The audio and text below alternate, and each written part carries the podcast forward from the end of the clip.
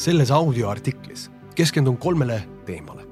esiteks, miks on tööstressi juhtimine isegi tähtsam kui aja juhtimine? teiseks, mis põhjustab stressi ja kuidas see otseselt kajastub töö tulemustes? ja kolmandaks, mis toimub meie ajus, kui kogeme stressi ning kuidas see meid käituma paneb? head kuulamist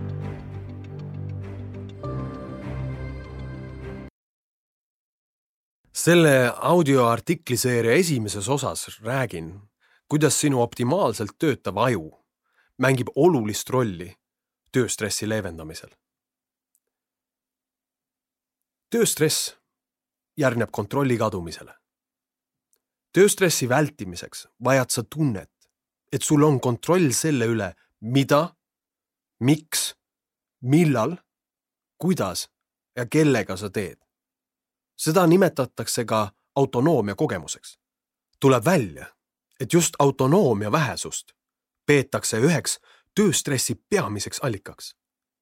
turuolukorras, kus vaid vähesed saavad lubada talentide lahkumist, on juhtidel oluline mõista, et kui nelikümmend neli protsenti naistest ja kolmkümmend kuus protsenti meestest märgib peamiseks töölt lahkumise põhjuseks tööstressi, ei ole stress miski, millesse kergelt suhtuda. ma arvan isegi, et tööstressi juhtimine on aja juhtimisest tähtsam. uuringufirma Gallup viieteistaastasele maailma elanikkonna emotsioone analüüsivale andmebaasile tuginedes kogesid inimesed viimasel kahel aastal rohkem tööstressi kui ühelgi varasemal aastal. tööstressi kogev töötaja võtab aastas keskmiselt viisteist haiguspäeva rohkem kui tema kolleegid. matemaatika on karm. kui organisatsioonis töötab vähemalt viiskümmend inimest ja neist kaheksakümmend protsenti kogeb erinevatel põhjustel stressi, teeb see kokku kuussada viiskümmend kaotatud tööpäeva või viis tuhat kakssada kaotatud töötundi. kui inimeste arv on aga kakssada, siis on kaotatud tundide hulk aastas juba üle kahekümne tuhande Neid numbreid nähes on selge, et ei piisa vaid infost, kuidas juhtida aega, vaid tuleb rääkida sellest, kuidas juhtida stressi. autonoomia vähenemist juhtide, väikeäri omanike ja nende meeskondade töös mõjutavad peamiselt tegurid nagu ebapiisav pauside hulk päevas, ebarealistlikud tähtajad, pidev ja lõputuna tunduv töökoorem, ületöö vastutus ilma sõnaõiguseta, võimaluste puudumine kasutada oma oskusi ja andeid, tunnustuse täielik puudumine, info sulg, paindumatud, kuid mitte põhjendatud eeskirjad ja regulatsioonid, otsustesse mitte kaasamine, vastuolulised tööülesanded, halvad suhted kolleegidega, soosikute olemasolu meeskonnas võimaluse puudumine suhelda kolleegidega töövälistel teemadel ja igasugune muu diskrimineeriv käitumine. paljud selles nimekirjas välja toodud punktid puudutasid Covid-19 ajal otseselt sadu tuhandeid inimesi Eestis. Gallup avaldas hiljuti ka uuringu, millest selgus, et kui enne Covid-19 kogesid meessoost ja naissoost väikeäride omanikud tööstressi võrdselt, see tähendab umbes kolmkümmend viis ja kolmkümmend kolm protsenti, siis Covid üheksateistkümne järgselt on see vahe märkimisväärselt suurenenud naiste kahjuks. ehk siis meeste puhul nelikümmend seitse protsenti ja naiste puhul kuuskümmend protsenti. tööstressi põhjused on erinevad ja kaadri voolavusega seotud kulud suured. kuid kuna tööstressi peamiseks allikaks on vähenenud kontrollitunne, siis samas ka ühed ennetatavamad. kuid juhtidel kes on ise emotsionaalselt madalseisus, on seda keeruline teha. on üsna tüüpiline, et juhil lasub vastutus hoolitseda nii protsesside toimimise kui ka ebarealistlikult suure, tihti kuni neljakümne liikmelise meeskonna ees. uuringufirma Gallup andmetel kogevad sada kolmkümmend miljonit keskastme juhti maailmas, võrreldes oma ühe koma kolme miljardi alluvaga suuremat tööstressi ja seetõttu ka halvenenud töö ja eraelu tasakaalu. tippjuhtidel on aga veidi kergem. ennekõike ei ole stressi allikas juhtiva positsiooniga kaasas käiv vastutus, vaid see, et pead vastutama tagajärgede eest, mille üle sul puudub kontroll. kuigi on juhtivad ametikohad, mida iseloomustab kõrge vastutus ja madal kontroll, näiteks riigi president, siis enamjaolt puudutab see dilemma ennekõike hierarhias madalamal positsioonil töötavaid inimesi. mõtle kas või Wall Streeti tippjuhtidele, kes teenisid boonustena miljardeid, kuigi nende otsused tõid kaasa ülemaailmse krahhi. tööta jäid nende töötajad, kelle tegudel oli vaid kaudne seos sellega, mis pankrotistas mitte ainult nende firma, vaid kümned tuhanded ettevõtted nende ülemuste otsuste tulemiga. oma alluvatega võrreldes on tippjuhtidel tihti palju kontrolli ja samas vähene vastutus ebaõnnestumise üle. samas, kui alluvatel on vähe kontrolli ja suur tõenäosus kannatada, kui tulemused on kehvad. mida madalam positsioon, seda vähem on enamasti valikut selle üle, millist tööd sa teed või millal sa seda teed. väiksem on ka autonoomia selle üle, et saaksid valida tegevusi, mis on sinu jaoks tähendusrikkad ning peaaegu iga aspekt elus käib läbi kompromisside. samas aga just tähenduse, valiku ja vähemalt mingil määral kontrolli omamine on see, mis aitab leevendada tippjuhtide tööstressi. peab ka ütlema, et väljakutsed ei ole ilmtingimata tööstressi põhjustajad. tööstressist rääkides võib juhtuda, et räägitakse hoopis väljakutsuvast tööst, kuid need kaks ei ole üks ja sama asi positiivsed väljakutsed mõjuvad toniseerivalt ning tekitavad motivatsiooni muutuda paremaks ja õppida uut. sel põhjusel on väljakutsete kogemine oluline osa tervest ja produktiivsest tööelust. palju nõudev töö ise ei ole ebatervislik. probleem on just kontrolli puudumises. kuidas, mida, miks, millal ja kellega inimene tööd teeb. tahan ka sinuga jagada mõningaid tööstressi sümptomeid tööstressi sümptomid ja nende negatiivne mõju tervisele on suurem kui see, mida loovad finantsilised tagasilöögid või väljakutsed perekonnas. muidu optimistlik inimene muutub korraga negatiivseks. seda kõike saadab otseselt stressihormoonide nagu kortisool ja adrenaliin pikaaegne kasv kehakeemias, mis aja jooksul kurnab läbi positiivsete emotsioonide ja mõtetega seotud neurohormoonide dopamiini ja serotoniini talituse füsioloogilisel tasandil võivad inimesed kogeda sagenenud peavalu, häiritud und, ootamatuid seedeprobleeme või lihaspingeid. vaimsel tasandil väljenduvad tööstressi tunnused keskendumisraskustes, väsimuses, ärevuses ja kerges ärrituvuses. elustiili tasandil on näha tööstressi tunnustena sõltuvuskäitumiste suurenemist, perekondlike probleemide kasvu, õnnetustesse sattumise sagenemist, kolleegidest eraldumist rahulolematuse tõusu töö, abielu või kodu osas. piltlikult öeldes on tööstress justkui ühe aju võitlus teise ajuga. mida ma mõtlen sellega? tööstressis inimene viibib justkui pidevas võitle-põgene režiimis, mis väljendub hapniku ja verevarustuse vähenemisena aju otsmiku sagaras. kujutle seda nii. ennekõike on inimene loom. see osa ajust, mis teeb meist inimese meie otsmiku sagar, on oma evolutsiooniliselt arengult umbes kaks miljonit aastat vana. see, mis teeb meist looma, reptiiliaju ja limbiline süsteem vähemalt kakssada miljonit aastat. võrdleme seda iPhone'i arenguga. iPhone tuli turule aastal kaks tuhat üheksa. selle audioartikli kirjutamise hetkel aastal kaks tuhat kakskümmend üks on väljas iPhone kaksteist. vaid natuke rohkem kui kümne aastaga on toimunud märgatav kvalitatiivne hüpe selles, mida see väike asi taskus teha suudab.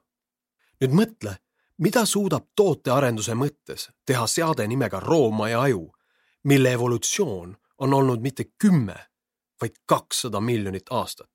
tema kõrval on otsmikusagar oma kahe miljoni evolutsiooniaastaga nagu koopamaaling, mida võrrelda tehnoloogia keerukuselt nutitelefoniga otsmikusagara võimekusega võrreldes on roomaja sinu sees sadu kordi kiirem, täpsem ja töökindlam. võib öelda, et ta töötab laitmatult. see on aga miski, mida ei saa kahjuks inimkonna tegusid ja käitumist vaadates öelda meie mõtleva aju kohta. illustreeriva näitena sellest, kuivõrd palju kiirem on sinu instinktidelt tuginev roomaaia aju sinu inimese ajust. palun sul kujutleda olukorda, kus oled sõbraga juttu rääkides astumas autoteele. sekund hiljem möörgab su kõrvus autosignaal ja su keha hüppab sõpra haarates välgukiiruselt sammu tagasi. auto vuhiseb mööda. süda puperdab, pilk on terav, hingamine on oluliselt kiirem kui varem ja alles mõne sekundi pärast jõuab kohale, kui napikas see olukord päriselt oli. järgneb pingelangus, võib-olla isegi pisarad, võimalik, et üksteist ohkab tugevasti. ja mõlemad hakkate naerma.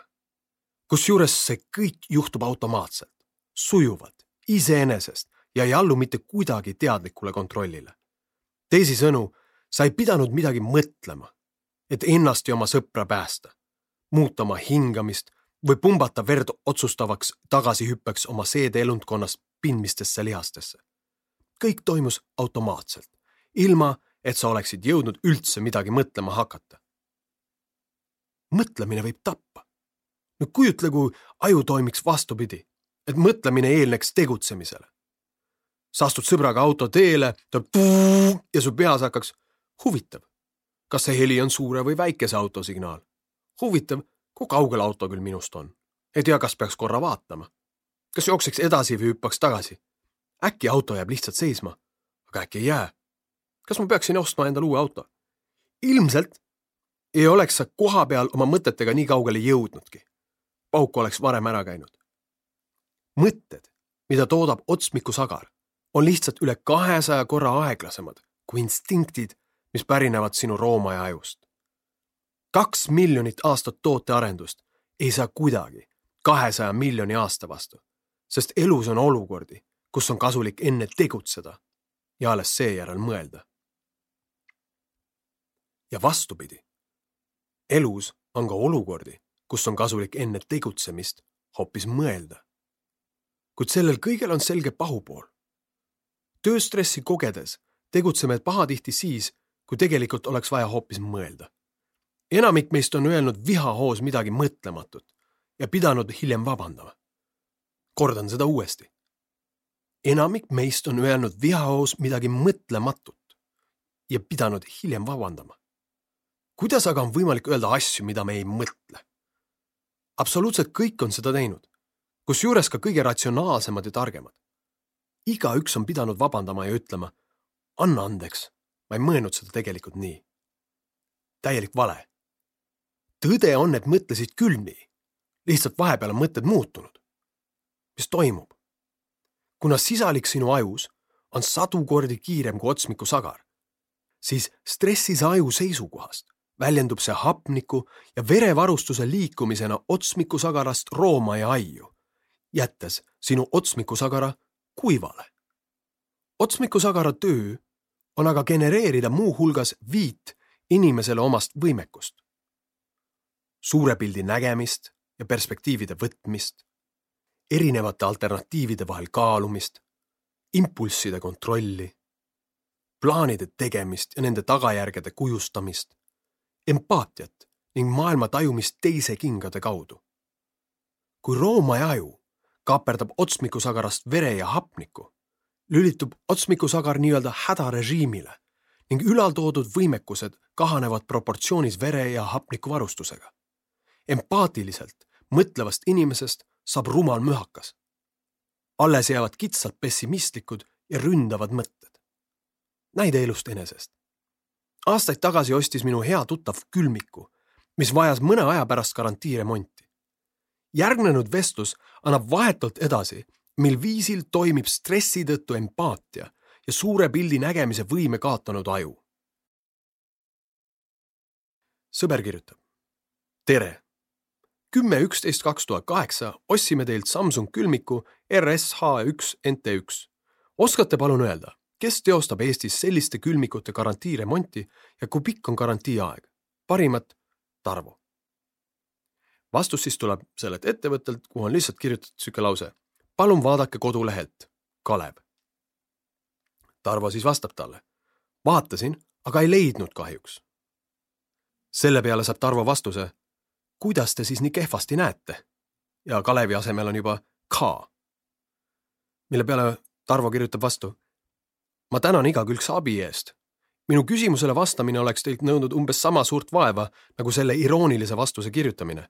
mul pole ei aega ega tahtmist teie kodulehel sobrada. parimat, Tarvo.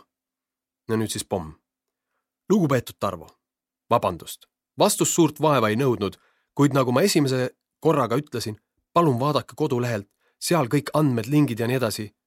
viisakas ja korrektne vastus, pealegi ainuke variant, mida te lõpuks niikuinii tegite. Oleks ma teadnud, et te nii õnnetu saamatu olete, oleks andmed vahukoore ja kirssidega serveerinud. kuid igapäevaelus eeldan üldiselt, et suhtlen olenditega, kelle intelligentsi tase on kõrgem kui kassipojal, keda peab vägisi ninapidi kuhugi sisse toppima. oma ajast, tahtmisest ja muudest probleemidest võite oma emale, abikaasale või koerale kurta mõte sellest kurb muidugi, kui inimene ennast ise motiveerida ei suuda, kuid siin ei ole ei eluliin ega jõuluvana ja kel janusel jalad ning kui te eeldate, et peaksime sireenide saatel tuletõrjeautoga teie külmikut päästma kihutama, olete eksinud.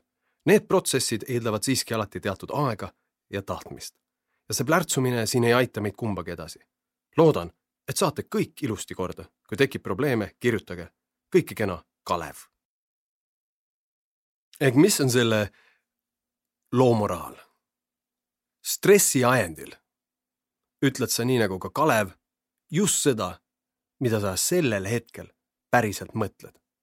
ja vabandust palud sa enamasti siis, kui verevarustus otsmiku sagaras on taastunud ning oled taas võimeline nägema suurt pilti, et kaaluda erinevaid perspektiive ning mõista, et võib-olla ei olnud pingehetkel öeldu pikaaegse strateegia seisukohast kõige optimaalsem ning jätkad edaspidi samal teemal vestlust pisut taktitundelisemalt. Just sel põhjusel pööran oma positiivsuse dividendid nimelisel koolitusel rõhku sellele, et kutsuda inimesi vastutama oma negatiivsete emotsioonide eest, mis ei mõju halvavalt ainult inimese enda võimekusele koostööd teha, vaid pärsivad külg külje kõrval toimivas meeskonnas kõikide potentsiaali aju eripäradega mittearvestamine võrdub aja jooksul organisatsioonide jaoks kaotusena rahas, spordimeeskondadel tulemustes ja indiviididel ajas.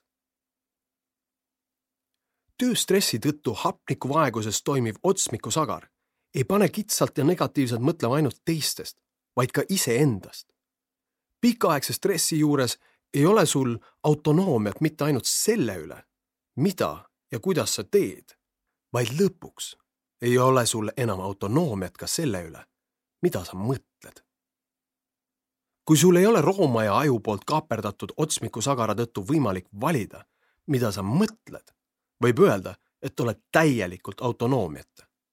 Viktor Frankl, maailmakuulus juudi päritolu neuroloog ja psühhiaater, kellel õnnestus oma perekonnas ainsana elada üle Auschwitzi õudused, kirjutab oma märgilises teoses Man's Search for Meaning järgmist inimeselt saab ära võtta kõik, välja arvatud tema viimase vabaduse, võimaluse valida igal hetkel oma suhtumine, sõltumata sellest, milline on olukord. See on võimas ja oluline tsitaat ning võttes aluseks konteksti, kellelt see tsitaat pärineb, tundub see justkui vaieldamatu tõde. aga paraku on stressi kogeva aju puhul läinud meilt ka see viimane vabadus. vabadus valida oma suhtumine selleks, et püsiks vabadus, millest Frankl kirjutab, peab sul alles olema vabadus selle üle, mida sa mõtled. ja sellest, kuidas see vabadus tagasi võita ja mõelda ja teha, mida sa tahad, mitte mida geenid ette määravad. räägingi audioartikliseeria järgmises osas, mis kannab pealkirja Tööstress ja sellega toimetulek, mis on edu võti ma loodan siiralt, et selle audioartikli kuulamine oli sinu jaoks väärtuslik aeg. Ja kui see nii oli, siis kutsun sind ka kuulama minu täispikka audioraamatut Ratsionaalne emotsionaalsus, tugevad tulemused pehmetest tegudest, mille info ja lingi leiad minu kodulehelt alarojastu.com.